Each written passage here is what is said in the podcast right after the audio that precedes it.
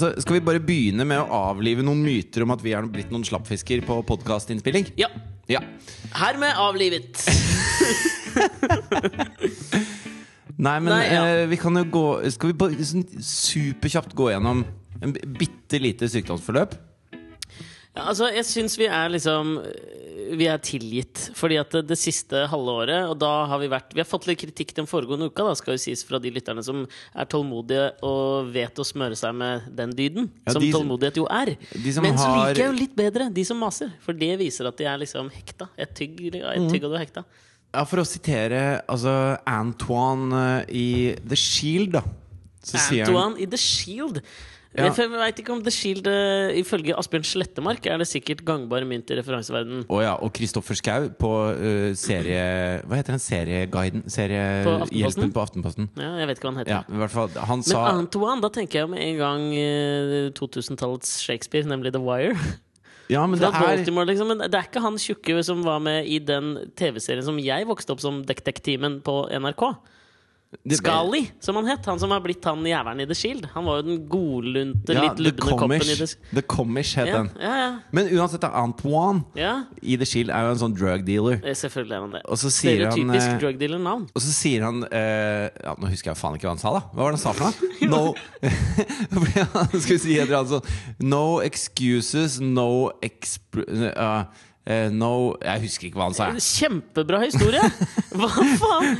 Jo, men det si Fordi at sant, Vi har jo hatt eh, et, en sykdomsbonanza i våre to små kjernefamilier. Ja, vi har det. Og så tenker jeg er det kult å liksom si hva som har skjedd? Eller skulle vi bare glatte over det og si vi bare dreit i å spille en podkast? For det var ikke sånn at vi bare dreit i det. Nei, men Jeg mener jo virkelig at vi ikke skal eh, bare glatte over, for jeg føler et ansvar overfor lytterne. Ja. Fordi nå begynner det å bli en del av dem. Eh, og det er jo litt sånn, For meg merker jeg at det er litt sånn uvant når det kommer inn en hel haug med liksom beskjeder på fredag når ikke podderen har vært ute. Så syns jeg det er dritkoselig, og så får jeg egentlig veldig dårlig samvittighet. Samtidig så tenker jeg 'fuck you, det er gratis!' liksom. Men, så, men jeg, jeg, får, jeg, mener virkelig at fra nå av og ut så tror jeg vi har runda uh, familiemedlemmer som kan bli alvorlig sjuke. Eh, sånn at vi ikke får spilt inn podkast. Du har ikke flere igjen, og det inkluderer svigerfamilien din. Ja, det er det jeg mener. Nå har jo ikke jeg så mye familie kan jo, Nå kan jeg le litt av det, men nå har jo ikke jeg så mye familie igjen. Så nå går jeg opp Nei, på men det er jo ikke noe å le av. Nei, er men jo, ja. Jeg skjønner hva du mener. ja. Ja. Så nå er det liksom sånn Nå har jeg begynt på svigerfamilien, og nå føler jeg at vi har runda de. Ja. Så, så fremt ikke jeg brekker, en, brekker tunga eller noe sånt nå, så tror jeg Og du har jo runda hele familien nå. Ja, altså eh, Pappa er jo på et hjem. Eh, Ikke meningen å le. Men det hørtes jo liksom sånn Jeg så for meg liksom ja, Hva het han Lars Andreas Larsen? Tragisk skjebne, jo, men eh, Alzheimer, liksom. Han sitter og råtner i en krok altså, ved siden av en yuccapalme som han tror er Fridtjof. pappa hadde jo en sykkelulykke. Som, eh, fordi at han sykler veldig mye, da. Og så er han jo veldig sånn utstyrsfrikk. Ja, dette har Så- vi pratet om før, at ja. han filmer enhver Ja. tur. Så han, han traff en trikkeskinne i byen og kalva, og det Akkurat var som Jenny. Skavlan nedover Thereses gate for noen år siden. Si. Gjorde hun det? Ja, hun gjorde det. Gikk rett på snørra. Men hun klarte Hun er sånn så pen at hun puller off verandaleppe og blåveis, og tenker du liksom faen, det er hett, ass. Ja, men for pappa var det litt verre enn verandalepp og blåveis, da. Så Ja, han, Pluss at han har ikke det liksom, grunnlaget på estetisk nytelse sånn ytremessig. Sånn at liksom, det blir fint. Og for han er jo en ganske ru fyr. ja, deg om det. Altså, noen, noen syns tannlege Kåre Nilsen er hot shit. Ja, selvfølgelig. Han har da fått noen barn. Ja, ja. Mhm. men, men i hvert fall så han, han er liksom der. Og så, var det, så hadde vi navnefest for Jonathan nå forrige helg. Og da fikk jo Jonathan plutselig masse feber, og så fikk Thea omgangssjuke, og vi lurte på om det var blindtarm, så jeg. Brukte en kveld nede på legevakta. Samtidig som Katrine fikk så kink i nakken at hun klarte ikke å, å gå omtrent. Mm. Så he, hele liksom torsoen hennes var helt stiv. Upraktisk, hadde du. Mens Wink, jeg, wink.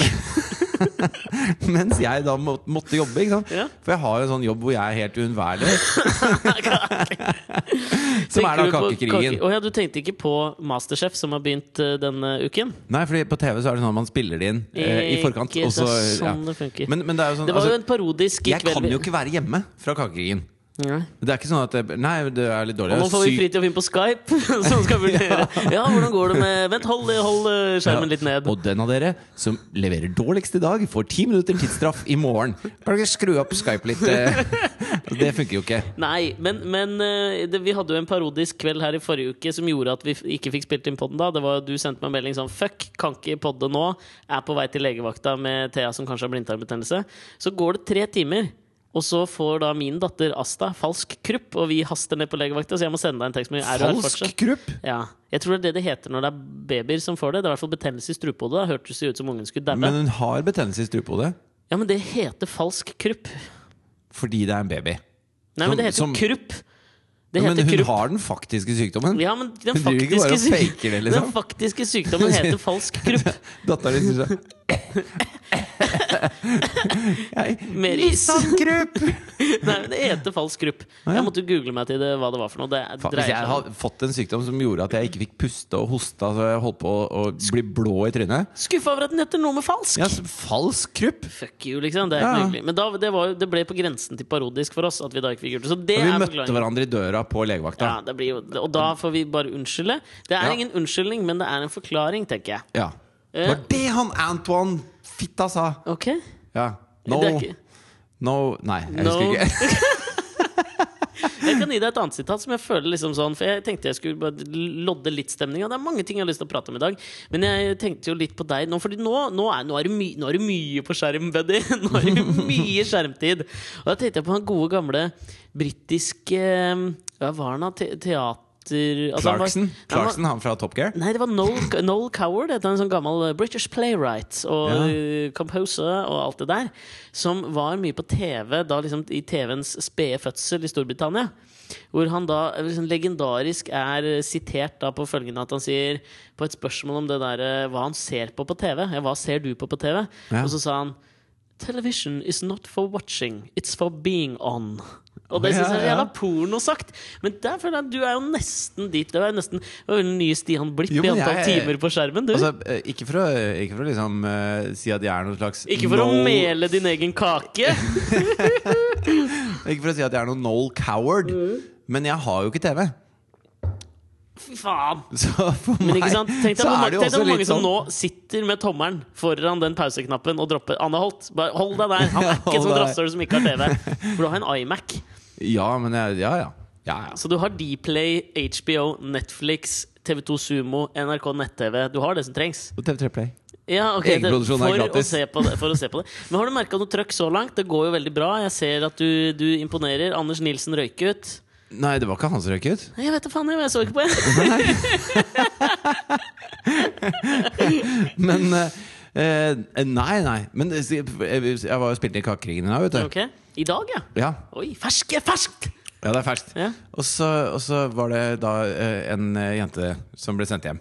Og, Ok, og det Kristin var- Danke? Var ikke Kristin Danke? Nei. og Det, det, dette er jo ikke kjendiser. Nei. Eh, men hun har altså, Og de som er med på Kakeringen, de har jo bakt veldig mye og har ambisjoner når det gjelder baking. Og, og øvd mye og syns de er flinke. Og alt sånn Og de er jo stort sett veldig flinke, men de blir veldig overraska over hvordan det er å plutselig ha en klokke som tikker og masse ting å forholde seg til, og så koker det litt over i pappen på dem. da Ja. Og så hadde hun da eh, For vi spiller inn to programmer per dag. Mm. Så i første programmet så hadde hun da hatt en, en liten krise, da. Okay. Det, det var blitt en sånn Altså Når du åpna kakeformen, så rant hele kaka utover benken. Kriser er relativt, vet du. Det er krise. Uh, og så i del to så ble det krise der òg, i andre programmet. Og da ble hun sendt hjem, da. Og så så jeg idet jeg liksom måtte Fordi at det, når man skal sende noen hjem fra en sånn konkurranse, så sier jeg da eh, Og den som må forlate Kakeringen i dag, det er Dong, dong! Og så må jeg holde. Jeg får ikke lov til å si. Og det, da, og det er fordi at de skal plukke nærbilder av alle deltakerne som står foran meg. Ikke sant? Og det kan ta et minutt eller to. Ja. Sånn at det er en, en sinnssykt lang sånn stillhet. Og, så, eh, og det føles helt ufattelig kjipt for de deltakerne som står på andre enden av det. Og nå vet jeg det etter å ha vært med på Masterchef. Ja, sant! Men, men den, den stillheten er lang, da. Og, d- og da synker selvtilliten til samtlige deltakere der. Og idet du da hamrer inn spikeren på hvem det er, så er det relativt tøft å få slengt i trynet. I hvert fall når det er noe du driver med og elsker, Ja. som du da blir sagt at du er ikke bra nok. Liksom. Du må bare gå ut den døra der. Ja. Du er ikke bra. Eh, og så idet jeg sier navnet hennes, så ser jeg at hun tar det ganske tungt. Og så skal jeg liksom da, for å avvæpne situasjonen litt, så sier jeg sånn nå kan du si ha det til de andre deltakerne. Ja. Fordi at da gir man hverandre klemmer, og så sier alle sånn Ja, det har vært så hyggelig, og bla, bla, bla. så blir det koselig allikevel, selv om det er jævla trist. Ja. Men så før jeg rekker det, så sier hun sånn jepp. Og så begynner hun å gå mot døra, og så før jeg liksom får sagt sånn Ja, men nå kan du si ha det, så snur hun seg, så sier hun sånn Ja, god bedring, da, hvis dere blir sjuke. Og så går hun ut døra. og så ser jeg de andre deltakerne stå sånn hva, hva? Og de bare ser ansiktene deres. Hva var det hun sa for noe? Hva, hva var det hun sa for noe? Ja, okay. God bedring hvis dere blir syke. Og så ser jeg bort på dommerne, og de bare Hun har forgifta den kaka. Er, hun har gjort noe faenskap her. Men, men jeg skjønner liksom ikke Fordi det er liksom hyggelig, og det er jo ikke frekt, egentlig. Nei, men, men det er sånn har, du, har, du, har hun hatt så dårlig hygiene da at folk pleier å bli sjuke når de er rundt henne? Har hun forgifta. Har hun forgifta kakene? Altså, alle har jo spist det greiene hun har holdt på med. Hva, hva er det som har skjedd her? Nei, Og og hvor- men de blir jo filma hele tida, så det er vel begrensa med hvor jævlig mye faenskap hun kan ha gjort med den jævla kaka. Jo, men hvis du gnir inn avføringsmiddel under neglene dine, og så knar du en deig, da Altså, jeg vet ikke, altså, Det er bare et helt random eksempel jeg kom på nå. Ja, nei, Det minner meg jo om da, vi skulle, da, vi, da jeg og noen kompiser skulle bake brownies til eh, skoleutflukten i tredje klasse videregående. Oh, ja. Altså, Det er jo klart at du tester jo ut hva du kan putte oppi den kaka før noen merker det. da Oh, ja, Hva gjelder avføringsmidler, eh, hår fra diverse steder på kroppen. Det er jo klart, det er klart man gjør det! Ulekkert, da. Jo, men fader, er ikke det litt av ungdomsopprøret, liksom? Jeg tenker det ja, Det tenker jeg. Men ungdomsopprøret er jo å, å vise fingeren det er, ikke, det er ikke å bake brownies. Det er ikke noe ungdomsopprør over det. Ja, men det er du er så jævlig fra Kolbotn hvis du baker brown Fuck, fuck parents! Jeg går og baker brownies! På! NWA og Ja. baker brownies med Bare bacon and brownies!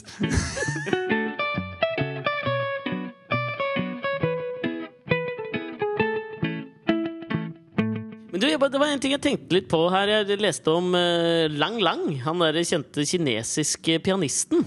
Oh, ja. Jeg hadde litt lyst til å få Lang, det lang. Lang Lang. Lang Lang. Eller hvordan du uttaler det, jeg er jævla usikker på. Lang Lang eller Lang Lang? Lang, lang. Altså, du sier det med kinesisk aksent. Ja, Lang Lang. Det var det jeg kanskje trodde at det var. okay. Ja, og nå skal ikke jeg ha noen sånne rasismeanklager på meg igjen, bare fordi jeg prøver å uttale noe på kinesisk. Nei, men, Lang Lang, tror jeg det er. nei, men du kan vel Altså, hvis øh, altså, Hvis du blir sjuk, god bedring. Lang Lang. Nei, men du, du trenger jo ikke Altså Hvis det er en amerikaner da som heter Andrew George, George eh, Jefferson. Ja, hvis han heter George, da, Ja. så trenger du ikke si George. Jo, men jeg, Altså Du trenger ikke uttale sånn som de gjør i det landet de kommer fra. George jo, men jeg, hvis du ser på Jerry Seinfeld hva, Sier du ikke det, da? Nei, men jeg, det er så eksotisk at Du jeg sier bare lyst Elaine, du sier ikke I- Elaine. Elaine. Kramer. Hey, Kramer! Jo, jeg gjør det. Du sier Kramer. Ja, ikke sant? Men uvant fucking sett. Så sier jeg Lang Lang. For jeg tror det er mer riktig, da. Lang, lang. Eh, Så Lang Lang han eh, var jo en sånn barneprotesjé. Han var jo i en alder to Jeg tror han begynte å spille piano da han var to år. Mhm. Så fikk han prøve piano første gang. Han satt og så på Tom og, Tom og Tom and Jerry. Så han så på Jeg tror du det Tom and Jerry. Nei. Tom and Jerry. Nei. Tom and Jerry, it's American. Tom and. Fy. Har jo lyst til å dra den klassiske Chicorea-anekdoten som jeg har dratt fem ganger før, men jeg skal ikke gjøre det. Ikke gjør det. Nei. Men greia var at han satt og så på det som toåring. Og der er det jo en sånn uh, Tom, Tom and Jerry-episode som tror jeg heter The Piano Concerto, eller noe sånt noe. Hvor Tom spiller har du, Husker du den episoden? Eller hvor Tom spiller til han blir helt utslitt og spiller og spiller og spiller, og spiller, og spiller og så blir han helt sånn utslitt, så kommer Jerry og bare smekker han i huet. Det er den. Og der er det en eh, Det han spiller, er et stykke av Liszt. Frans Liszt, tror jeg han Den ungarsk eh, kjente kompositøren. Ja. Uh, og det var det, og da satt liksom Lang Lang og spilte. Og så var han utrolig flink, da, så merka faren seg det. liksom Og etter det så bestemte de seg for at dette skal bli verdens beste pianist. Ja, det han de skal være så jævlig glad for at dette er før smarttelefonenes alder. For det er ingen som hadde trodd på denne historien her. At det to år, og så sitter han og ser på Tom og Jerry, og så plutselig spiller han Frans Liszt. Og så plutselig spiller han et stykke av List. Altså, Ja, nei, det, men, eller Liszt. Jeg jo, men jeg, jeg, jeg tror ikke noe på det, men greit. Protégé. jo, nei, men altså, Han var en child prodigy, ikke sant? Og ble utrolig sånn Da han var ni Du, år, holdt han store konserter. du må slutte med den uttalen din Jeg kan ikke med love. en gang. Med så en gang. Lang Lang var en child prodigy. I en alder av ni så spilte han på store konsertscener. Og, ikke sant? og dette var jo på en måte Han var jo oppvokst Jeg tror han var født i 82. Jeg tror han er ett år eldre enn meg. Så han kom jo i, i liksom kjølvannet av den eh, Eller ikke kjølvannet, han kom midt oppi den ettbarnspolitikken nede i Kina. Ja. Så det, og det var jo liksom eh, for hans del både eh, a blessing and a curse, som de sier i America. Ja. Fordi han ble jo pusha noe så jævlig av faren sin, ikke sant? og det var jo veldig sånn typisk for kinesiske foreldre på den tida. Fordi de hadde jo bare det ene barnet. Ja, og, og da var det jo veldig ofte sånn at Hvis de fikk jentebarn, så satte de dem bare ut i skogen. Ut i Og når de fikk guttebarn, så skulle de bli eh, Verdenskjente pianister, eller hva ja, de måtte bli fantastiske, da. For det, det er jo ikke noe sånn derre Sånn som er i Norge, at alle pensjonister får penger av staten. Nei, nei. Uansett hva du har jobba med, så må du, det er barna dine som skal sørge for deg. Og hvis du bare har lov til å ha ett barn, så bør det være et bra barn. Ja, det er det jeg tenker. Og han ble jo pressa av faren sin. De flytta fra kummerlige kår i utsiden av Beijing inn til Beijing sentrum og sånn. Og jeg leste noe sånn Hvor kummerlig kan han ha vært da hvis han hadde flygel i en alder av to? Nei, men de hadde et lite piano. Det hadde liksom investert alle pengene i, for foreldrene hans var liksom... Men snakker du da om en sånn Marit Larsen-piano? Sånn for som hun har kjøpt på, sånn som du har kjøpt på Sprell. Toys R Us? Ja, men er det ikke på Sprell de har det Toys R Us. Toys R Us, men jeg tror det var på Sprell. Fordi på Sprell så får du det lille røde pianoet som vi bruker til å spille If a Song Could Get Me You, eller? Ja, det er mulig, det. Fins det. noe mer typisk Marit Larsen enn det pianoet? Nei, jeg har alltid tenkt på det. Når Marit Larsen sitter med en gitar uttales bak. If a song could get me y'all. det, er swingersversjonen.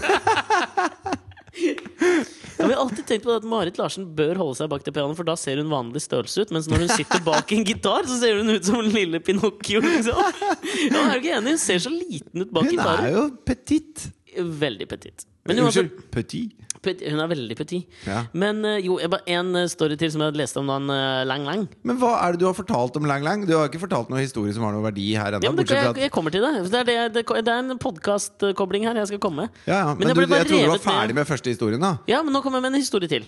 Så mye du kan om Lang Lang. Ja, men Jeg leste om han helt nylig. ikke sant? Et portrettintervju av Lang Lang. Ja, Og jeg ble utrolig fascinert av skrev han. de det med fonetisk skrift, siden det er så viktig for deg å uttale det helt korrekt? Nei, men, eh, men jeg bare fikk Du vet sånn brackets, sånn firkantparentes? ja, brackets. brackets. Nei, men det som er greia var at Da måtte jeg jo gå inn etter at jeg hadde lest dette Så måtte jeg jo gå inn og se noen intervjuer med han på YouTube. Og sånn Han prater jo sånn Chikorea eh, forventet at japanere skulle prate engelsk. Sånn prater jo han Altså Fordommen du har mot når kinesere skal snakke engelsk, da. Ja. Sånn snakker jo han. De har ikke R, de har L. Ja, de, han har jo litt det. Selv om han har bodd veldig lenge i USA. Sånn. Og det, jeg synes det, er sånn, det er en litt sånn eh, besnærende måte å snakke engelsk på. Sånn, og da sa han sånn lang, lang. Men de har noe sånn rart med L-en sin. Men det er faen meg beside the point. Ja, ok For pointet er, Jeg skal gå snart til pointet. Jeg bare synes det var én fascinerende ting til. Apropos det der at man legger så jævlig press på det ene barnet. Og det var at de flytta jo da Han og faren flytta fra mora inn til Beijing for at han skulle få gå på en eller annen sånn fantastisk skole. da For å lære seg piano. Peking. Peking. Peking! Peking-and! og det som er greia da, var at de flytta inn med seks andre familier på et jævlig sånn kjipt hvor de måtte dele et bad. Ja. Og da sto faren opp klokka liksom fem hver morgen og gikk fem kilometer for å dusje et annet sted. Sånn at når Lang Lang sto opp, så slapp han å stå i enda en kø da for å, for å bruke badet. Sånn at han kunne begynne å øve før. Skjønner du? eller? Jo, men hvor lenge dusjer han jævla faren, da? Ja, Det tipper jeg ganske lenge. Fordi at eh, hvis, hvis eh, Lang Lang skal Mm. spare noe dusjetid på at bare faren av alle de seks eh, familiene dusjer et annet sted så Men alle monner drar. Men drar de så mye? Ja, for faren hans og Lang Lang så gjorde de jo det. Det viste seg jo senere at dette var jo veldig Så du mener at grunnen til at Lang Lang kan spille Ja, eh. Rakhmaninov Ja. på, Eller i! Chopin Chopin. Chopin er den norske uttalen av Chopin. Ja, er det det?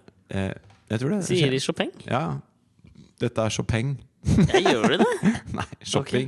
Ok, ja, ok, å ja, nå tok jeg den. Nei, men uh, ja, ok, så faren dusja et annet sted. Ja, Fett. men poenget med dette var at jeg merka at jeg liksom sånn Når vi nå har begynt å få Jeg syns det er jævlig koselig når vi får alle disse Da hadde jeg ikke dusja hver morgen. ass Jeg mener det, eller? Nei, det hadde hadde første- faen ikke jeg heller. For det første så blir du jo Du blir jo litt klam i kløfta. Det er jo, det er jo varmt. Høy luftfuktighet i Beijing-Peking. Ja, ja, det er varmt i Peking. Ja. Så vi skal gå fem kilometer etter at du har dusja. Eller Spørs først til, da. Så, så jobber du opp en slags eh, Ikke sant? For du, du begynner jo ikke å svette mens du går. Det kommer han, ettersvette. han spankulerer jo ikke hvis han skal gå en mil til sammen bare for å vaske seg. Men det spørs hvor tidlig han står opp, og om han har en fritidsoppgang, en Alex-gange, en flanørgange eller en litt sånn stressete Jo, hvis, altså, hvis du skulle gått en mil, Mhm. så hadde du ikke vært tilbake før til middag. Nei, det er for så vidt sant, da. Så han gikk sikkert ganske fort. Men vi hadde vært rik på opplevelser. Og da, på sånn, da, da går du til dusjen, og så begynner du å svette i dusjen. Og når du kommer ut da, så får du litt ettersvette, og så går du hele veien hjem og så begynner du å svette igjen. Så da er det ikke noe vits å gå og dusje. da Høres ut som jeg har bitt på agnet som er mystifiseringen av Lang Lang. ass. Ja, fordi eh, så langt har du fortalt to anekdoter, av han, og jeg tror, Tror ikke på noen av dem. Men denne kommer du til å tro på, da. Eller denne må du tro på, for det er det jeg hadde lyst til å knytte til Alex og Fritjofs podkast. Som jeg syns hadde vært jævlig gøy. Um, fordi i, kjølvannet av hans suksess, da Nå, øh, nå er han vel liksom rundt øh, Han er vel 3, 33 eller noe sånt, da. Ja. Og da har det liksom blitt sånn uh, at de har fått noe i Kina som de liksom sånn Rundt da, han var 17 år, så liksom eh, coina de termen. Og det var liksom lang, lang effekten. Og det var jo at liksom sånn foreldre pusha barna sine så jævlig tidlig til å begynne å spille et eller annet instrument og bli sånn virtuoser på det. Og så kommer liksom YouTube-generasjonen. sant? Og du har jo sikkert sett det. Det har sikkert alle lytterne nå sett på YouTube. eh, unge kinesiske musikere som er helt rågode. Og det visstnok da skal være ja, lang, lang det nok. effekten. Samtidig er ikke det nok sånn du, Men det er kanskje japanerne det som gjør de litt sånn drøyere tingene. Ja, det, ja, Som, jeg, bare, som spiller bass i eh, kort kjole og musefletter. Mann. ja. Stor mann som spiller bass i kort kjole og musefletter mens han han- drikker melk til han kaster opp. Og så har han bleie på seg sånn. Ja. Ja, så blir det sånn okay, det er- det så, det er så mye på en gang. Det er, det er så, ja, det, Jeg tror ikke det er lang, lang effekten, altså. Nei, Lang, er er mer på at de blir virtuoser tidlig, liksom. Ja. Mozart-unger, på en måte. ja. Og det var det jeg syns hadde vært litt sånn gøy hvis vi kunne fått en sånn effekt oppkalt etter oss. Og det er det jeg tenker at liksom sånn da må gjerne liksom lytterne være med å på en måte påvirke hva det skal være. Men det hadde vært jævlig gøy om det, om det var liksom en sånn oppblomstring av podkaster eller sånn som alle sier at de er inspirert av oss, den første og beste podkasten i Norge. altså, skjønner du hva jeg mener? At jeg, at jeg har, altså, fordi de gjør noe med ettermælet ditt. Da, med en gang du får liksom Barbara Ja, Streisand-effekten, altså, allerede- Lang-Lang-effekten. Allerede nå så har du ødelagt det. For vi kan ikke sitte her og si at det, det hadde vært fett hvis vi fikk en eller annen effekt. En ikke-eksisterende effekt, eller en framtidig effekt oppkalt etter oss. At vi etterlyser det fra liksom, lytterne. Det, det blir jo helt teit. Nei, jeg syns ikke det, for vi kan så et frø nå, og så tenker jeg at folk kommer til å glemme det, men så ligger det og marinerer seg inn i hjernebarken til noen, og så plutselig så føler de at de kom på en helt original idé sjøl, men så er det egentlig sådd herfra. Men det jeg tenkte på, som, eh, som jeg syns vitner om på en måte lang og tro podkasttjeneste fra vår del, da, Ja. det er at du kaller det for en podder. ja. Og du sier ja, vi skulle spille inn en podder. Ja. Vi kan ikke podde i dag. Sånn, det, det minner meg om de derre eh, de, Det er en sånn gammel fyr som står på, står på snowboard i Hemsedal hvert år. Jeg trodde år. du skulle si at det var en som, som sto på Latter hver uke. Ørjan Bure eller noe. en gammel fyr som står på snowboard oppe i Hemsedal Ja, er hvert han år. der, ja. Han der. Han med skjegget. Ja, og Han, han, er som sånn Petter Stormare spilte i den klassiske ungdomsfilmen Switch. Yes, Ja. han. Og han er sånn, sier, Han sier par, ikke par stjerner i margen for at jeg tok den så fort, eller? Ja, ja, det er veldig Ja. bra. Han sier ikke snowboard, men han sier ut og stå på Ja, han sier fjøl, Han sier fjøl. Ja, han sier og det er litt som å si Jeg hørte på en podder her om dagen. Ja, så så så det du, du har nå blitt the grand old man of podcasting. Mener du det, eller? Ja, Alex-effekten. Tror- Og så tenker du sånn ja, Han kødder sikkert og betyr sikkert ikke noe for ham. Du fikk tårer i øynene, da. Dritstanka!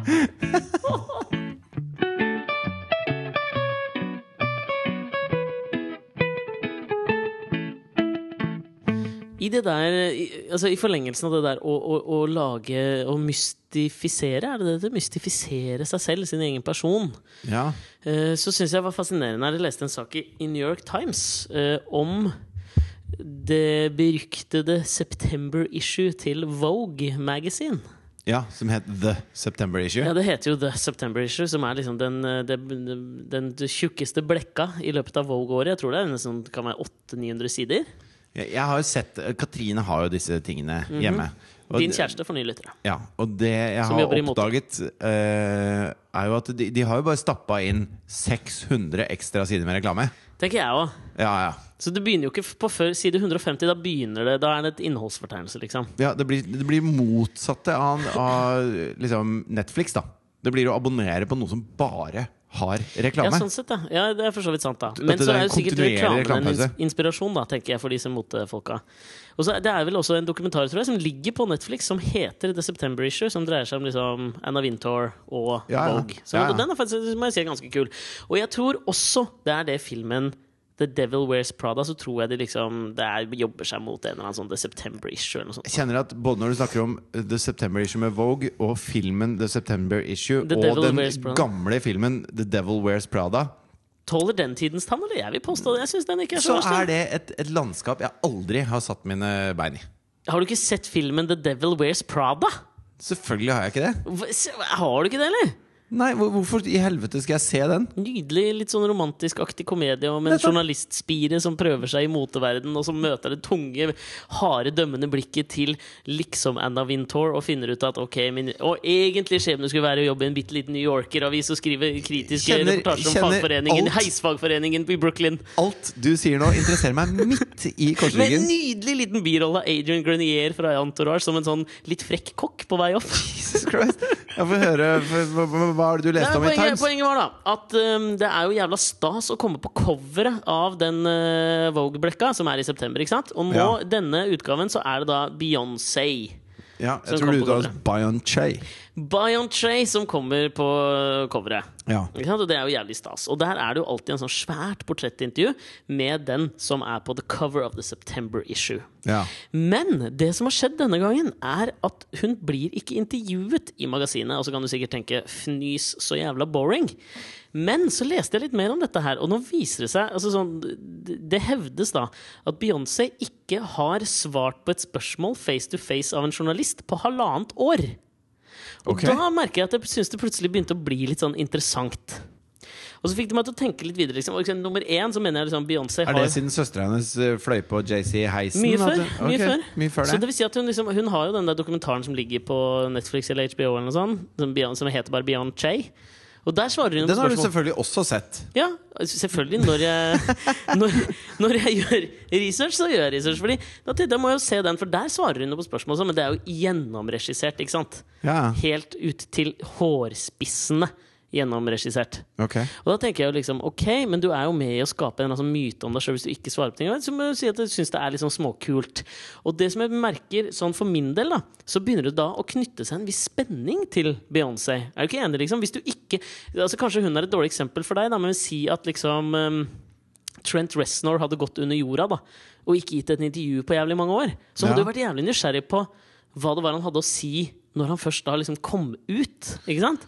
Jo, men Da snakker jo han uh, gjennom musikken sin. Han har gjort det flere ganger. Altså, Godt under jorda. Han, han leide seg inn i den kåken som Charles Manson gjorde masse han det, eller? Ja, ja. Og satt der og skrev en hel plate.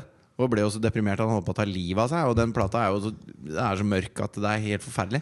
Men da kommer det jo et, et eller annet kunstnerisk ut i andre enden. da Men det tror jeg ikke Beyoncé. holder jo kjeft bare for å komme ut i andre enden og si badonka-donk, liksom. Altså, det er Love noe on top, liksom. Ja, det, er noe, det er ikke noe tekstlig substans som kommer ut. Det er ikke, det er ikke sånn at jeg lurer Hva er det denne, er det denne intellektuelle mastodonten egentlig skjuler her? Nei, jeg, jeg kan si meg litt enig. Jeg Ja. kan si meg litt enig Men jeg syns på en måte grunnpremisset holder at hun skaper en spenning om sin egen person. For fansen gjør hun jo i hvert fall det, liksom. Ja, ja, men, men, men har vi egentlig noensinne vært veldig interessert i hva Beyoncé har å si? Ja, men om vi har det, eller om allmenn altså, nå jeg snakker jeg tror- om vi som i mann. Ja, det tror jeg folk har, liksom. For hun har jo altså Hun er vel, kan vi påstå, liksom, sammen kanskje Taylor Swift, den største artisten i verden. ikke sant? Ja. Og da har du jo, ikke sant, hvis hun plutselig bestemmer seg for Sånn som hun bestemte seg for å gi ut en plate uten noen forhåndsannonsering forrige plata si, ikke sant? Og den gikk jo rett til topps, ikke sant? Taylor Swift ting. gikk jo også i strupen på Apple når de skulle lansere Apple Music. Ja, og det var en- et tveegget sverd hun eh, møtte på der, ettersom hun sjøl ikke, ikke lar fotografer på konserter ha liksom åndsverkslig opphavsrett til sine egne bilder, ikke sant? Nei, men det er, hun føler vel at hun eh, lager Hun kompo, komponerer bildet. Og de bare er der til å ta det. Skjønner du? Altså hun, hun bruker jævlig mye effort da, på å bygge opp en scene og stå på den scenen på en, på en måte. Og, og dette koster masse penger. Så det er, det er jo litt som at, eh, at eh, hvis, hvis jeg som fotograf kommer inn i et fotostudio som noen andre har leid, med modeller som de har leid og kledd opp, og, så, og så står jeg i døra og bare drar opp kameraet mitt og tar et bilde rett fram, og så sier jeg 'dette har jeg lagd'. Ja. Jeg har jo ikke lagd det. Nei, men det er, Det er jo den som har lagd hele scenen, som har lagd det. ja, Men nå undergraver du jo en hel profesjon. Altså Det å ta et bilde er jo ikke bare å trykke på en knapp. Nei, men det er å komponere et bilde. Ja, men Det, gjør du i linsa òg, ikke sant? Og t- t- trykke i akkurat riktig øyeblikk og få riktig utsnitt. Og det er Sånn som mye når. Lenny Kravitz eh, sprakk buksa si. Ja, er litt sånn. Du kan ikke, han kan jo ikke hevde at det er min pikk. Du kan ikke få ta bilde av den, liksom. Nei, Når men- jeg står på scenen. Nei, men du, altså, nå, Jeg vet ikke hvorfor jeg forsvarer Taylor Swift på akkurat det der, men jeg bare fikk lyst til å si imot deg. Ja, men, men jeg skjønner hva du mener Men jeg mener jo fortsatt at liksom, fotografprofesjonen må jo få ha sine ting. Hvis ikke så er, er jo ingen fotografer bildene sine. Ja, jo, si at Gud, Gud eier alt, for Gud skapte jorda. Hvis du tar bilde av et fjell, sorry, buddy. Men det var jo den der gamle saken med den apen. Apen! Han fikk vel medhold, han. Apen fikk medhold. Ja, og Det betyr jo at fotografene bør få medhold kontra Taylor Swift, liksom. Jo, men eh, altså, det morsomme er jo at fotografen gikk til motsøksmål mot apen. Ja. Så men, eh, for fotografen en sla, Altså, apen Hvem blir apen oppi dette her? Han blir vel Apen er jo fotografen som tar bilde av Taylor Swift. For du mener at Ja, men Taylor Swift har regissert alt, og apen bare trykker på knappen. Så det blir jo fotografen. Ja. Du sammenligner fotografen med aper, altså. bare, altså For folk som ikke har hørt den anekdoten Det før, er da, du så, og er det, Lars Lillo Stenberg som sammenligner fotografen med aper. så er det en fyr som var eh, Jeg husker ikke hvor det var, et eller annet sted hvor det var aper. Aper. Og så hadde han satt opp kameraet sitt, og så kom det en ape bort til kamera og, og kikka i linsa og trykka på knappen, sånn at apen tok på en måte en selfie. da Ja, og Hvis du går inn på Wikipedia, så er det faktisk til den aperasen. Så er det det bildet, det selfiebildet som brukes Mm. som bilde for den. Nå husker jeg ikke hvilken aperase det er. Og så vil jo han fotografen som har satt opp det kameraet, han vil ha royalties for det bildet. Mm. Og så sier, så sier de som bruker det bildet, at ja, men det er jo ikke du som har tatt det bildet. Det er apen som tok det bildet. Ja. Og så sier han, men apen er jo en fuckings ape. Eh, sånn at eh, han kan jo ikke få noe royalties for det bildet. Det er mitt Nei. bilde. Og så ble det rettssak av dette, hvor de fant ut at eh, fotografen tapte, da. ja. Så, Det gikk helt til Høyesterett i USA, tror jeg. ja. Men, Den har men, vi prata om før, men det var en kort recap. ja, men, men det er jo litt gøy at fotografen plutselig er Taylor Swift. Og, Nei, nei, åssen blir det der? hvordan blir det? Apen er på en måte både Ja, Taylor det er Swift nettopp og det. Men nå fotografen. tar jo ikke Så Taylor han Swift en fotografen er- selfie, liksom. Nei. Men hun er jo på en måte Vanskelig. Ja. Vanskelig. Men det var faktisk ikke dit jeg helt skulle. Men grunnen til at jeg forsvarte Taylor Swift, var fordi at jeg er veldig enig i det hun sa om Apple Music. Det er jeg enig i. Og der fikk hun jo gjennomslag. Og det viser jo hvilken makt Taylor Swift har. Og da er vi nysgjerrig på hva Taylor Swift sier neste gang, tenker jeg. Ja. Og på den måten bør vi også være litt nysgjerrig på hva Beyoncé velger å liksom kanskje stå på barrikaden for, hvis hun Ja, nå en gang det- gjør det. Hvis Beyoncé liksom hadde, hadde reist seg opp i en sånn sammenheng da Mm. og sagt et eller annet eh, lurt, så hadde jeg vært nysgjerrig på hva det neste hun hadde å by på her.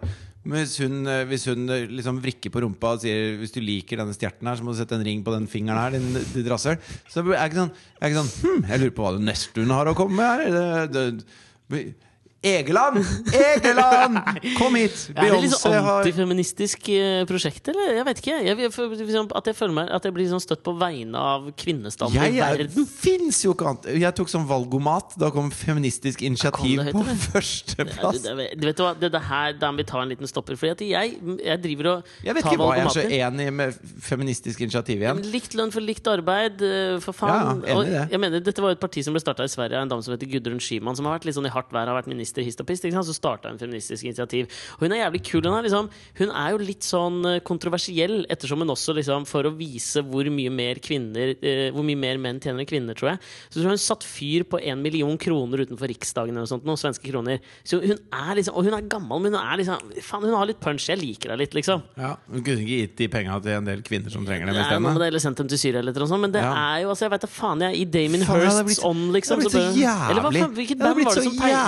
Jævlig forbanna hvis jeg var syrer og satt der og så på en sånn gammel 14-tommers Grundig, eh, liten svart-hvitt-TV, og så en, en, en dame i Sverige som kjemper for at, det, eh, at, det, at det, toppledere Kvinnelige toppledere skal tjene like mye som mannlige toppledere. Ja. Og, og i protesten setter fyr på en million kroner! Men det var vel Ja, det klikka! Jeg tror det var Var det ikke et sånt band som heter KLF borte i Storbritannia også, som gjorde det som en sånn kunstinstallasjon? KLF aha, aha, aha. Er det? Men jeg mener å huske at det var det det het. Som Ja. satt fyr på noen platekontraktpenger eller noe sånt noe på 80-tallet. Ja, det kan godt hende, det kan godt Men uansett kanskje var inspirert av det. Det er jo litt punkete å gjøre, da, uansett. Ja. Men jeg synes, jeg, det var derfor jeg bare Jeg, jeg, jeg oppfordrer alle. Det hadde vært gøy med sånt brakvalg for et nytt parti. Det liker jeg jo litt, liksom. Ja, men jeg syns at både Feministisk initiativ og Miljøpartiet De Grønne Mm. sliter med bare overskriften sin. Fordi at eh, de har jo en, en Tydeligvis, i og med at eh, begge de partiene scorer ganske høyt på mine valgomatvalg, så, så er det tydelig at det er ikke bare miljø- og, og feministsaken, eller femisaken, Fy faen, ja. ja. kvinnesaken, var det jeg prøvde å si, Ja. eh, eh, som, som appellerer til meg. Altså, de har andre ting innenfor politikken som også De har et, et partiprogram. Ja, men det Hvor det er tydelig at jeg er enig i mye av det partiprogrammet. Og hvis de da kaller seg Miljøpartiet De Grønne, så, så Du eh, kildesorterer jo ikke engang. så betyr det bare én ting. Og det At, det, at det, det, altså de, de lukker seg inn. Altså Ja, jeg, ok, nå skjønner jeg hva du mener. Du altså hvis liksom, jeg, hvis jeg lager et band, da mener du at det blir et heter- one trick pony? Ja.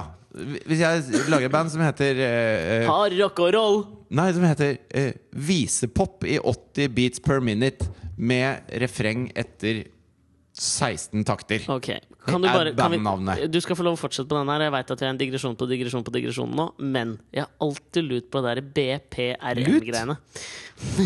Har du lut på det? Lang, lang lut også på det. Ja, men jeg har seriøst lut på det.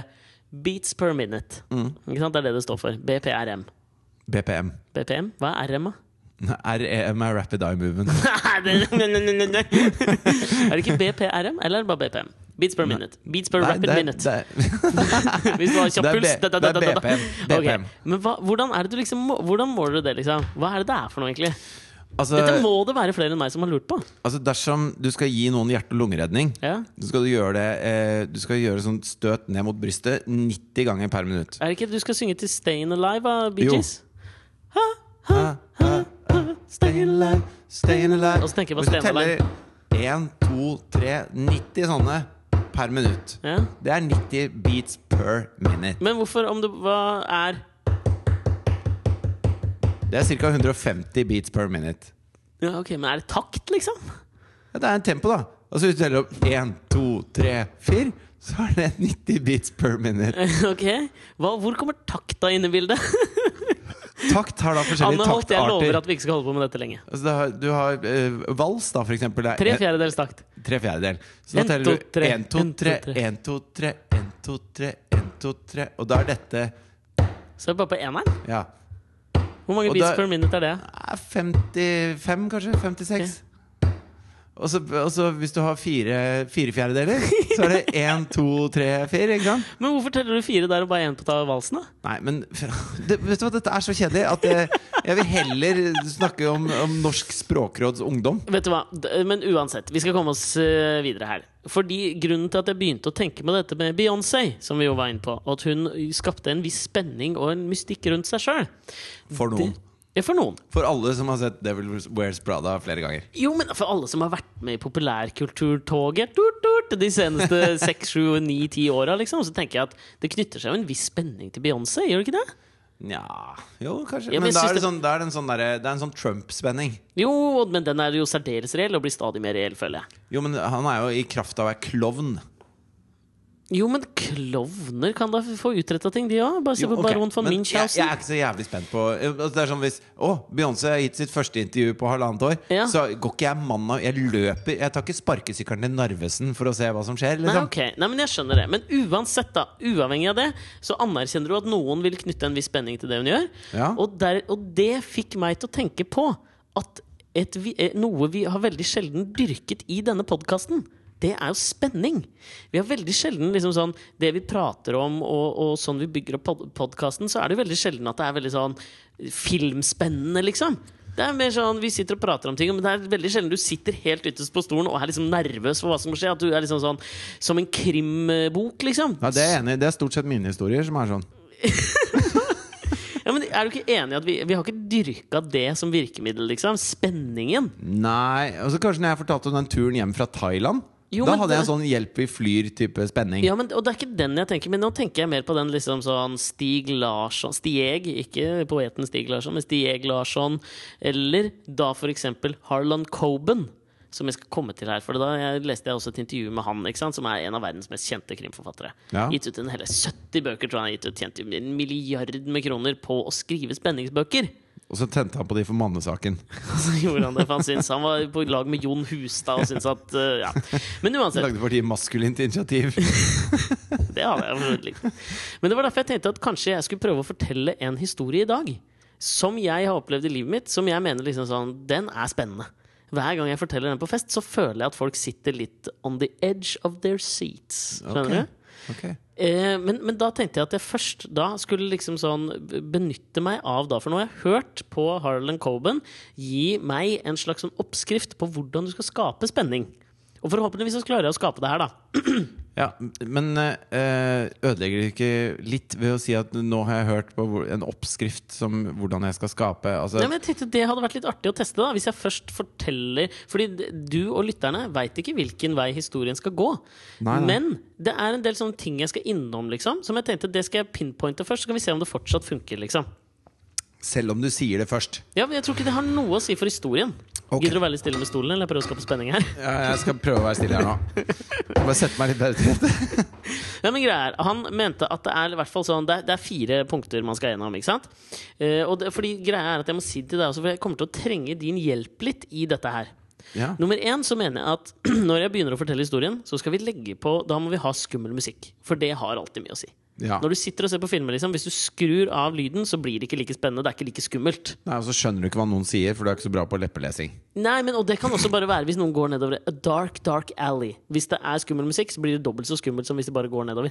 Minner meg om da jeg så Beyoncé på scenen. Ja, jaså? Sier du det? Hvor noen hadde lagt på sånn, sånn Balkan trekkspillmusikk mens hun Ja. dansa på en utrolig fjollete måte. var det ikke til kyllingdansen, da? Jo, det var det det var. Det var. Med trekkspill. Ja, og det var veldig gøy. Og det var kjempegøy. Og da, da ser du hvor lite interessert jeg er i hva Beyoncé har å si når jeg Men- ser henne danse kyllingdansen. Du ser virkningen av musikken, liksom. Ja, men det har jeg visst lenge. Ja, det har du sant. Det er Ja. Men ikke sant, så når jeg begynner å fortelle historien, så skal vi legge på en litt sånn Og da tenker jeg ikke på den der som er Som har blitt gjort narr av i Hollywood nå, som blir brukt i Inception. Den der, det derre hornet. Har du fått med deg det, eller? Det blir liksom mobba i Hollywood nå, for det er det der svære jævla hornet som er sånn Som skal være sånn skummelt. Så du Inception? Et skummelt horn. Ja, det er sånn der, det høres ut som et svært sånn båthorn som går sånn Og så er det drita skummelt. Men er det musikk, liksom? Ja, det er liksom i musikken, i En slags sånn soundtrack, post, liksom. posthorn? Ja, men det er liksom sånn bare at det er jævlig skummelt. Men nå har det liksom begynt å, Nå har det blitt brukt i så mange filmer at nå gjøres det narr av i Hollywood. Da. Det kalles det Inception Horn. Du, det tror du kan google, og så kommer det opp. greit. Det er ikke sånn jeg tenker. Nå tenker jeg litt mer sånn øh, ja, Litt mer sånn øh, lavmælt bare stemning at det er skummelt. Men det skal vi komme til. Ja. For det jeg skal innom da, er som Harlan Coben mener, da, for å bygge spenning, så må du gjennom noen øh, du, Altså, du bør ha noen liksom, elementer på plass. Og det første er at du må vite hvor du skal.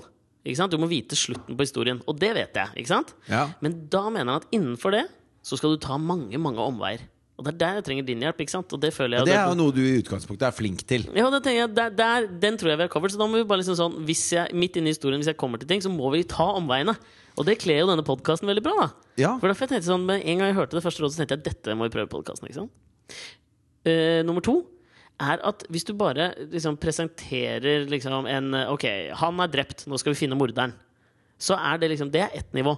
Men hvis du sier f.eks. at det er noen som er en missing person, eller et eller annet sånt, som du skal løse Du finner ikke liket. Da er det håp. Og med en gang det er håp, så er det liksom mye mer interessant.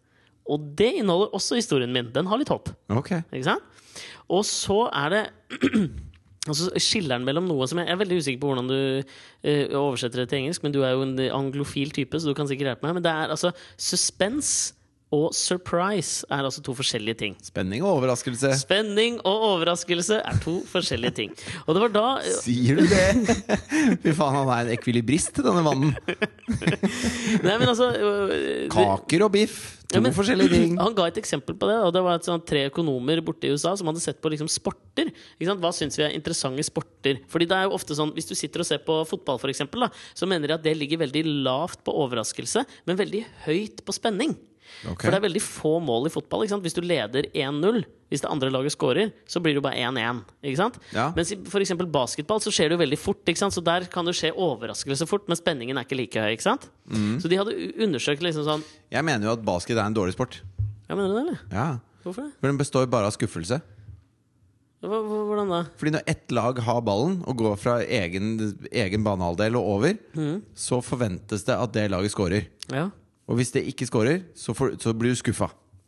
Ja, det er litt som håndball. Mens i fotball så går ballen fram og tilbake, og når noen scorer, så blir du overrasket på en positiv måte. Ja, det er for så vidt sant, det. Mens- Men amerikanere vil jo påstå at det er litt kjedelig.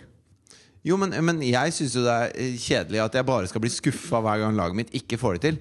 Jeg har mye mer lyst til å bli glad hver gang laget mitt får det til. Og hvis laget mitt er forventet å få det til, Mm. sånn som i håndball f.eks., eller, eller basket, da, så syns jeg det er, en, eh, det er en dårlig sport. For min del. Ja, men det er bra, det, det, og det skal du få lov å mene. Ja. disse økonomene hadde jo da også utviklet det de mente for å skape surprise. Altså For det de mangler i fotball, mente de, da var jo surprise. Altså overraskelse. Og da mente de at de hadde liksom knekt koden på hvordan man kunne liksom løse fotball til å bli det. Og det var at siste målet vinner.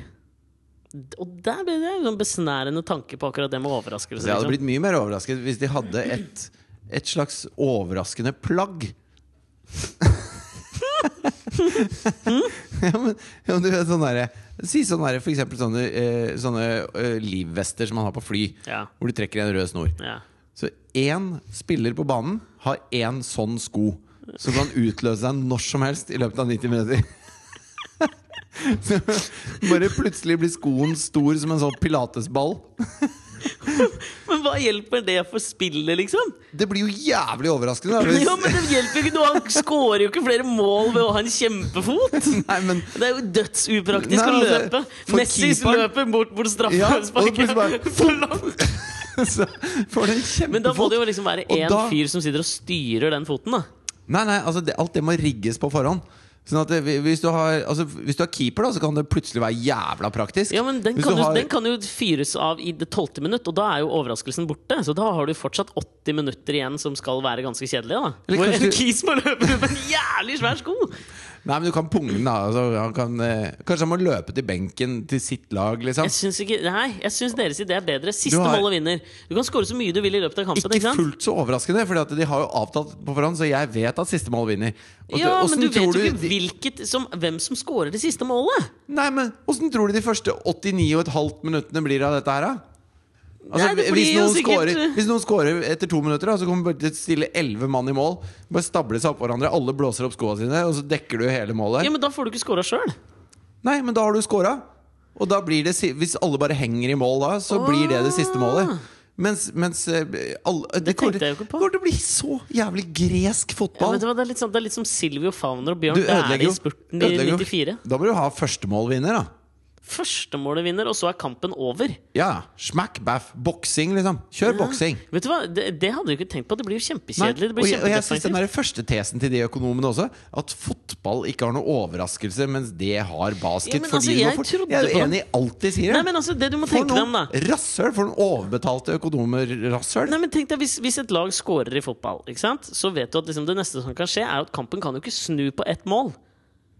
Da blir det bare uavgjort igjen. ikke sant? Og Hvis et lag skårer tre mål, og det kommer én opp, to Jo, opp, tre opp men dette er jo De er amerikanere. Ja. De er amerikanere. Ja. De skjønner ikke fotball. Nei. Du skjønner fotball Mm. bedre enn meg. Ja, men nå hadde du en veldig god Det var en veldig riktig tanke du hadde, at det ble veldig gresk fotball hvis Altså hvis, Hvis det er siste mål vinner, ja. Ja, det er for så vidt sant, det. Altså, jeg kjøper den. Vet du hva, Det var kanskje litt lite gjennomtenkt av dem. Ja. Men jeg føler at Og de, de, viser jo, de viser jo med hele tesen sin at de skjønner virkelig ikke forskjellen på fotball og basket. For de har sittet og sett på basket, så har de tenkt sånn Hell, I grew up with this shit. That's fucking Ja. cool, man. Ja, men Look det- at these Europeans. They're just running around. Nothing, nothing's fucking happening, man. så, så Det blir med en gang mye mer kleinere når man snakker i lange setninger. Hvis jeg bare sier liksom sånn suspense and surprise, man. Men hvis du sier det veldig langt, så blir det flaut. Ja, men de er jo en flau gjeng. Overbetalt, flau, Nei, okay, fuckings ja, men, ok, men, da amerikansk gjeng. da, men, men det er ikke helt krise for min, den historien jeg skal ta. Fordi det er en overraskende det, Jeg håper at jeg skal klare å skape spenning. Og så har jeg en overraskelse. Det er en overraskende twist i historien.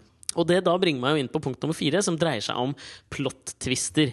Og han mener da, uh, Harlan Coben, at tre plot-twister er det beste du kan uh, ha i en uh, bok. da Eller en, noe som skal skape spenning. Ja, for ellers blir det parodisk. Ja, det blir parodisk, ja. Og det vil jeg jo ikke. Jeg skal ikke ha noe sånn pa det, dette, ja, det er en ordentlig historie som Ja. jeg skal fortelle. Men ja, altså, det, eh, det, det femte regelen i historier, da, Mm. som kommer fra meg nå, det er at eh, hvis man eh, må på en måte eh, forklare oppbygningen av historien i 20 minutter før man forteller historien, så blir det automatisk en dårlig historie.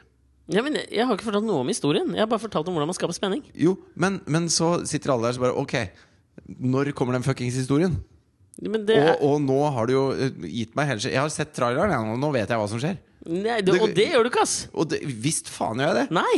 Jo, altså Du vet hvor du skal når du starter. Ja. Det kommer til å være tre plot-twister. I løpet av historien. Så jeg kan sitte og telle plot-twister, og så Mm. Ja. vet jeg når jeg nærmer meg slutten. Ja. Og så kommer det til å være overraskelse, så da kommer jeg til å sitte og lete etter overraskelsen. Oppi huet mitt så vet jeg at det skal være et eller annet som, som, snu, som gir meg en overraskelse.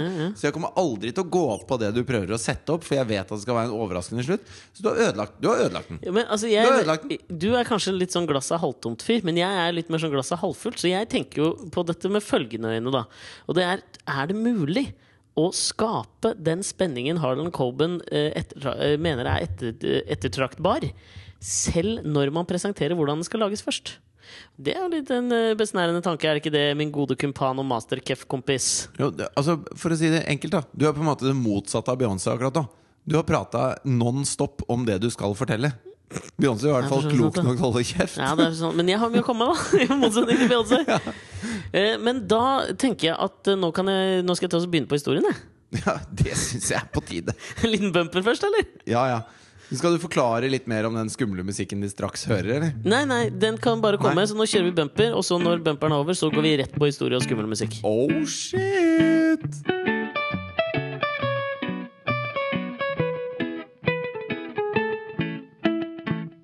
Det var en mørk Gidder du Sorry. Det var en mørk og stormfull kveld.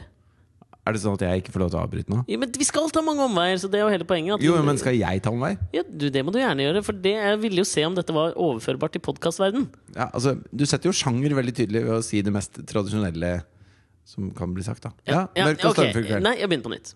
Ja. Det var en Yr sa det skulle bli en mørk og stormfull kveld. Nei, Men det- solen det var, skinte. Det var en lummer sensommerkveld i august. Jeg var på eh, fotballtur til Danmark med juniorlaget til Kolbotn IL. Der hadde jeg spilt i ganske mange år. Jeg var jo da 17 år gammel. Og vi spilte i noe som heter Tisted Cup. Og Tisted Cup foregikk hvert år eh, på et sted som heter Løkken. I, Mm. I nærheten av Danmark. Tisted. Løkken var liksom tettstedet. Tisted var mer sånn Området. en Kommunen. gate. Kommune. Nei, men Løkken var kommunen, Tisted var fotballområdet, liksom. Ok, yeah. Og Løkken er jo også kjent som Nordens Ibiza, fikk vi beskrevet før vi reiste. Aha. Og som 17-åringer da var vi rimelig håpefulle på hva som ventet oss der nede. ikke sant? Nummer én, vi visste at som 16-åring fikk du lov å kjøpe alko i Danmark. Ja, ja. Nummer to, vi fikk forespeilet at vi skulle reise til Nordens Ibiza. Hva hadde vi hørt om Ibiza? Jo, rock, rave, varmvåte kyss og rock og rave. Så vi reiste ned, da.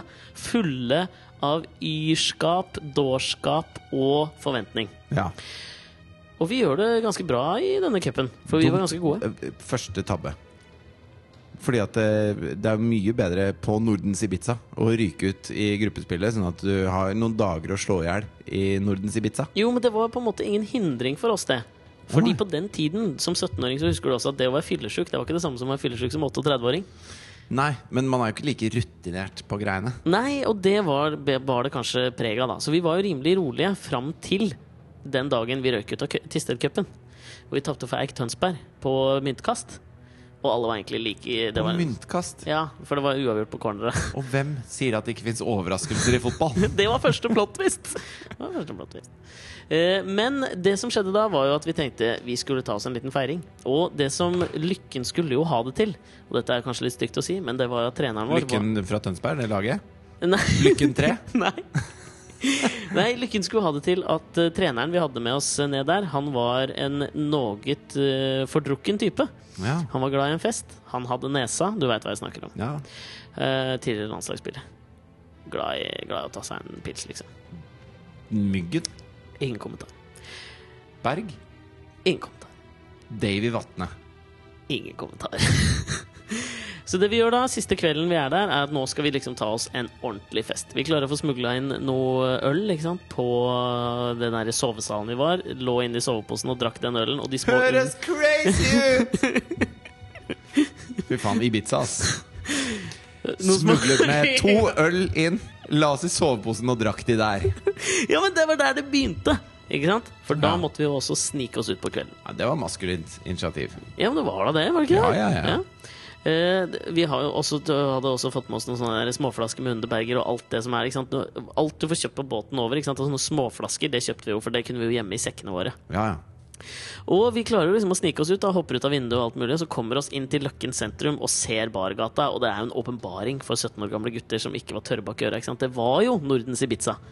Det var jo, altså, for, Sånn som jeg ser det for meg nå i hodet, liksom, så var det jo liksom Det var horer, det var Altså, det var som å gå nedover Red Light District, ikke sant? Ja. Og der gikk vi da, ikke sant? med lomma fulle av lommepenger fra mutter'n og fatter'n som skulle brukes på røde pølser og frokost. Men de hadde vi jo vi kløktig nok spart til denne kvelden. Ja. Så vi eh, ramler jo da inn.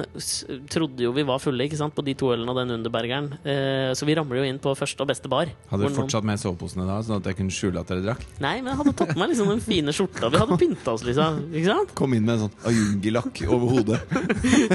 Nei, Trakk ned den doble glidet sånn. En pils nå. Poppelapp, svarte de. poppelapp. Skjønte ikke hva de sa. Eh, nei, så, men vi kommer oss inn på en bar, og sant? verden åpna seg. Ikke sant? Fordi vi fikk kjøpe sprit, vi fikk kjøpe øl, vi fikk kjøpe hva vi ville. Og liksom, det er jo som en unge i en godtebutikk å gi en 17-åring den muligheten. Så vi bestilte jo alt. Flaming sambucas, Det er ikke som en unge i en godtebutikk. Det er som et 17 år gamle fotballag fra Kolbotn På på Nordens Ibiza i Danmark. Riktig. Det er helt riktig. Og vi drikker med begge hendene. Shotter, tyrker, sambucas, tequilaer. Altså alt går. Alt går i grisen, liksom. Ja. Eh, og så ser vi jo i døråpningen hvem kommer inn. Treneren Han- med Portvinsnesa, Henning Berg. Han kommer inn. Ja, Nei, han var ikke Henning Berg. hvem var det, da? Nei, men det er ingen som veit hvem det er. Og jeg skal anonymisere han siden jeg sier at han var så glad i å ta seg en pils, liksom. Ja, hvis han er en eks-landslagsspiller. Ja. Lundekvam. det må jo ha vært Lundekvam. Nei, si Så bare for- Endelig liksom har jeg noe vettugt å drive med. Og vi fins Vi fins i Nordens Ibiza. La oss si at det var Lundekvam, da. Nå kan jeg leke at jeg er tilbake på landslagsleire, liksom. Men han ramler i hvert fall inn. Han ramler jo inn, ikke sant? Så du, du vet det første sjokket du får når du vet at du har gjort noe gærent, og nå tenker du at nå blir du tatt. Ja. Det tenker jo alle. ikke sant? Så alle liksom setter jo tequilaen, sambucaen, hot and sweeten i halsen. ikke sant? Men så ser vi jo at han faktisk fysisk ramler jo inn på baren. Enser oss ikke, steller seg ved siden av oss i baren og bestiller liksom fire pils og tre jeger. Altså Han skjønner ikke at vi er der. Så vi tenker jo at ok, huh, første fare unngått, ikke sant? Han merka oss ikke. Det du kunne gjort, var bare å snurpe igjen av jungellakken og så klippe hull til øynene. Sånn dere gikk rundt som en sånn, som en sånn slags nordisk nikab. Det var fint! det var Nordisk nikab. Det skulle vi gjort, men det, så bevandra var vi jo ikke i forkledningens kunstner. Nei. Men vi hadde jo da unngått første fare. Så dere tenkte dere kunne fortsette å være på denne baren sammen med treneren deres? Ja, ja, vi For han er for fullt å merke det. Yes. Helt åpenbart. Han ble jo da etter hvert kasta ut også, for han stelte seg og pissa i baren. Så han ble jo kasta ut, og da tenkte vi ok, Ok, Hvem faen var dette her? Klaus Lundekvam. Det var ikke Klaus Lundekvam. Nei, det var ikke det. Nei, men det er, altså, sånn, det er en så, Han er fotballspiller fra, på landslaget for såpass lenge tilbake at ingen av lytterne våre engang veit hvem det er. Riise. Nei, Mona B. Riise. Nei, men altså, Vi snakker liksom sånn 50-60 år tilbake i tid var han landslagsspiller. Ok. Så ingen som veit hvem han er, og det er jo litt sånn uinteressant, egentlig. Uh, ok. Ja, Men en jævla fin fyr, altså. Bortsett fra at han pisse, hadde en lei tendens til å pisse på barer. Men ok, så bestemmer vi oss da for at nå er det på tide å gå, fordi halvparten av oss klarer ikke å stå på beina, og nå må vi ut, liksom. Så vi liksom sjangler da de syv siste, den harde kjernen, liksom. Sjangler oss ut eh, til den lune sommernatten i Løkken. Ja. Og der står det Førstesjueren skal på horehus. Nå skal vi på hus! Nei, Nå skulle vi hjem og legge oss i Ajungilakkene, sånn at vi ikke ble oppdaga og, og klarte å komme oss hjem med båten neste dag. Ja, ja. Men det som skjer når vi kommer ut, det er at der står det en svær jævla dansk gjeng med Og du- ser det er pøbler, liksom. Ikke sant? Og du ser at Ramp. de Det er ramp, og du ser at liksom, de er bare på leting etter noen å banke opp. Ja. Ikke sant? Og jeg kan jo se for meg deres liksom, tanke når vi snubler ut der, ikke sant? Ja. Jeg var jo den høyeste i gjengen, kan du, og da kan du jo tenke deg liksom hvordan det var. Du. Nei, jeg var jo ikke det da, men jeg følte meg jo jævla svær, for jeg hadde drukket Tequila for første gang. Ja. Og den eh, hybrisen tok jo jeg med meg da, da jeg liksom sånn enkelt og greit liksom sa til gutta slapp av, jeg ordner dette. Spankulerer rett bort til den gjengen, steller de, meg i midten. tar de i kragen og sier 'Kamellose'. Det er ikke så langt unna sannheten, okay. for det var jo akkurat idet den Camelose og hele den der greia til Harald og Bård og Atle hadde liksom virkelig slått gjennom i Norge. Ja. Og det, det tenkte jeg at dette er en jævlig bra icebreaker, liksom. Men det som skjer er at jeg steller meg liksom midt inn i den der eh, danske gjengen her, og de skuler liksom, og de sier noe på dansk som jeg bare overser, og så sier jeg liksom det da at Camelot, Camelose, og vi forstår hinanden, ikke? Og ler høyt. Og det var, det du, det var den du dro? Ja ja, det var jo midt i den tida, ikke sant? Ja, ja. Uh, og det som skjer da, er at plutselig så Jeg snur meg litt sånn rundt, og så plutselig så tar min bestekompis Sverre meg i kragen, husker jeg, og så bare drar han meg ut. Og så skjønner ikke jeg hvorfor han drar, så ser jeg alle de andre sju begynner å løpe. Så jeg liksom haha, løper etter dem. Men så snur jeg meg, og da ser jeg at hele den gjengen er etter oss. Og i spissen så kommer det en fyr som har en krykke med, du vet, sånn ispigg. Sånn som gamle folk har ja. på krykka. Som han, altså han er rett bak meg, og han er i ferd med å hogge meg med den ispiggen. Ok. Det er så mange hull i denne historien her at jeg Hvor er hullet? Nei, altså for det første Det er en, en ungdomsgjeng som sprinter etter deg, hvor lederen Drama is anticipation mixed with uncertainty, sier hans- William Archer. Så er mye uncertainty er en krykke. Med en sånn pigg på! Jo, og med en pigg på! Ja. Det fins da ingen sør for Røros som har en pigg på krykka. Han hadde pigg på krykka! I Danmark. Ja! De Løkken var kanskje Nordens Ibiza, men om vinteren var det jævla kaldt der. Altså, Hvor mange isdansere slash eh, Altså nord nordiske grener eh, utøvere har vi fra Danmark? Ja, men Hvorfor trenger han å være nordisk grensutøver? Fordi det, det fryser jo aldri i Danmark. Det er ingen, fryser i Det er ingen som har pigg på krykka i Danmark, og i hvert fall ikke i juni når det er Norway Cup. Det var ikke Norway Cup, det Nei, var Tisted Cup, og det var sensommer. Ja. Jo, men det er Men jo han brukte det som slagvåpen. Han har bestilt den sikkert, han fra Norge. oh, For en tøffing! Han var skikkelig badass! ja. Og så hører jeg liksom fra Vi løper nedover, og jeg blir dratt etter, og vi snubler fram og tilbake. Ikke sant? Så hører jeg, og jeg hadde på meg en grønn pikétrøye, og så, Så hører hører jeg fra han rundt hjørnet kommer det en jævlig svær gjeng med nynazister med rullatorer! Men det var skremmende, for jeg hører han roper liksom To grønne! Og så snur jeg meg, og så tar han sånn der kniven over halsen. Han skal ta meg, liksom. Men så løper en krykke med Ja, han- ispigg! Ja! Det er jo skremmende! Du, du undergraver spenningen i historien! Nei! Altså Hvis han hadde hatt Sjako eller noe sånt. Nå kommer jeg til siste plot twist. For det som skjer, er at jeg plutselig befinner meg i et veldig sånn tett, altså tett bebodd område. Men jeg er helt alene. Alle de har tydeligvis tatt en høyresving når de har tatt en venstresving. Så det jeg merker, er jo at nå er, løper jeg nedover denne gata her, og jeg ser ikke slutten av den, og jeg hører ingen, men plutselig, rett foran meg, så kommer han med krykka gående ut, da. Og steller seg opp foran meg, liksom. Så jeg bråbremser. ja, Han holder på skjærreps Ja, men hva faen, da?! og scooterdress. Ja, men jeg tror lytterne er spente på hva som skjer nå. Ja, ja. Ja. Ut i Overlevde du? Ja, men hva da?! Ut i gata kommer han som en slags Wyatt Earp, ikke sant? Trekkende på en krykke med pigg. Og jeg stopper, ikke sant. Hva faen gjør jeg nå? Hvor er Sverre? Mhm, Missing person. Det er noe håp her. Sverre hadde jo dratt meg ut av den gjengen først. Skulle redde meg, ikke sant? ja. Hvor faen er Sverre? Og som i en skrekkfilm, så løper han ikke mot meg, liksom, men han bare ler mens han slår krykka sånn i hånda. Så kommer han liksom gående mot meg og sier 'Du grønne'. Nå, sier han. Og jeg liksom blir jo helt paralysert, så jeg bare står der. Og venter på å få den ispiggen trøkt gjennom huet, liksom. Og så liksom hører jeg noe sånn knitring og knatring i busken rett ved siden av. Da kommer Sverre med rullatoren. Og tror du faen ikke at det er han treneren Tror du faen ikke det er Klaus Lundekom, som ligger dritings og kommer hoppende ut uten buksa? Han har buksa på knærne og begynner å rope til han der med krykka. Liksom, Hva faen er det du driver med? Og så begynner han å løpe etter han med krykka nedover gata. da Snublende og men får liksom dratt han ned. da Og hjuler han opp så han blir gul og fuckings blå. Og jeg snur meg og løper andre veien. ikke sant? Kom meg hjem, legger meg i ungelakken. Faren er over, kom hjem og har overlevd siden. Altså, jeg, jeg skjønner ingenting av den historien.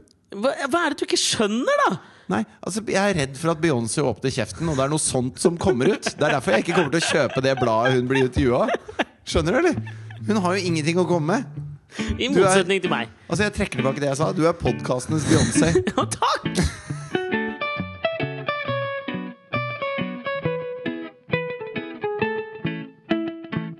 Da har vi latt publikum sitre av spenning og kose seg med en uh, liten thriller.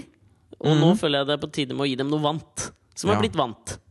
Ja. Har du lyst til å fyre av vignetten, eller? Things that didn't make the cut. Things that didn't make the cut.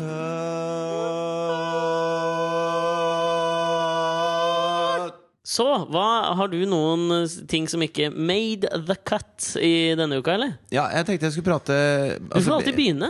Ja, men det, så, sånn er jeg, liksom. Jeg er fus. Ja, Jeg elsker å være fus. det er greit. Eh, jo, eh, fordi at jeg så det, Blant alle de viktige avissakene her eh, som, som trykkes i avisene da. Du har jo mye harme mot avisene og medier i Norge. Ja, jeg syns jo de er noen fjotter. Ja. Men eh, det er bare meg.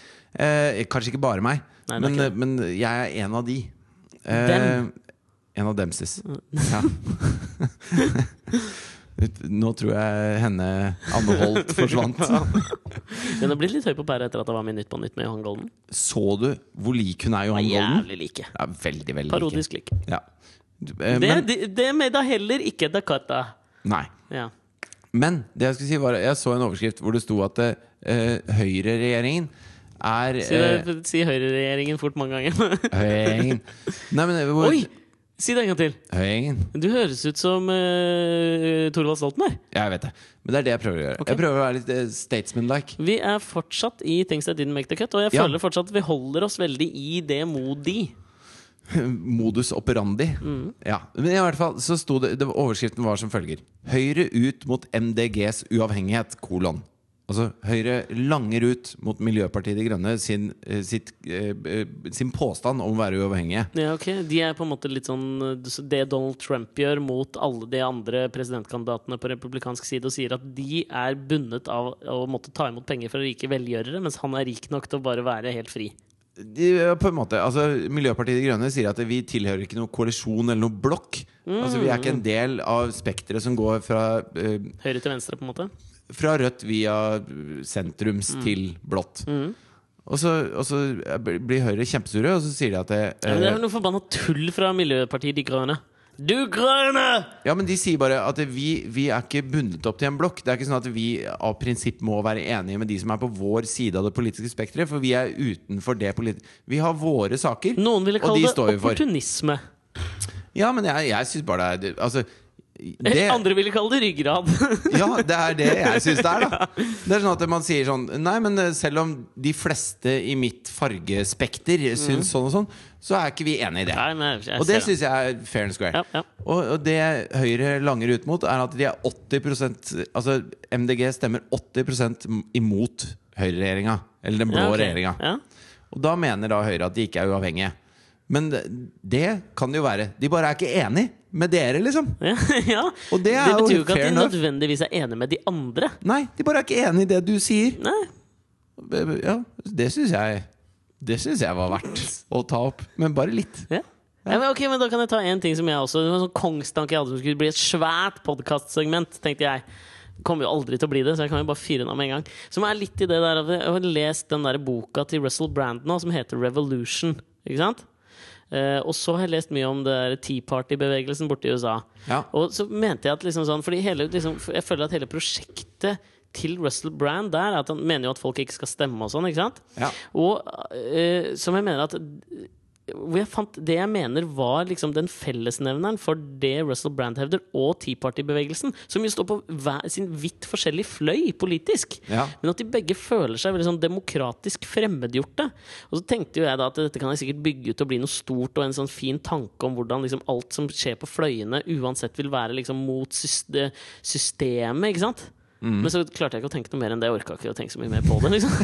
Men det, er bare sånn, det er jo en fin tanke. At liksom Ja. de har noe til felles, selv om de står på hver sin barrikade. Så er det det er at de føler der- seg fremmedgjorte i demokratiske styresett. Men det er jo den gamle sirkeltankegangen om, om alt mulig, egentlig. At, at hat og kjærlighet ligger helt ligger sånn tett inntil hverandre, mens likegyldighet ligger på bånn. Ja, det jeg, jeg tror at eh, hvis du har sentrumspartiene på bånn mm. av den samme greia. Og så, og så kryper det seg oppover via Ap og Høyre på hver sin side, og så til SV, Frp og Ja. Rødt og, og noen brunskjorter på, Ja. i Halden, og så, opp, og så møtes de liksom på toppen igjen, hvor de bare hater alt. Ja, ikke sant? Det er litt som meg og like. Beyoncé, på en måte. Da. Vi litt møtes jo deg, ja. Dere møtes i uh, det, det ui, den uinteressante stillhet.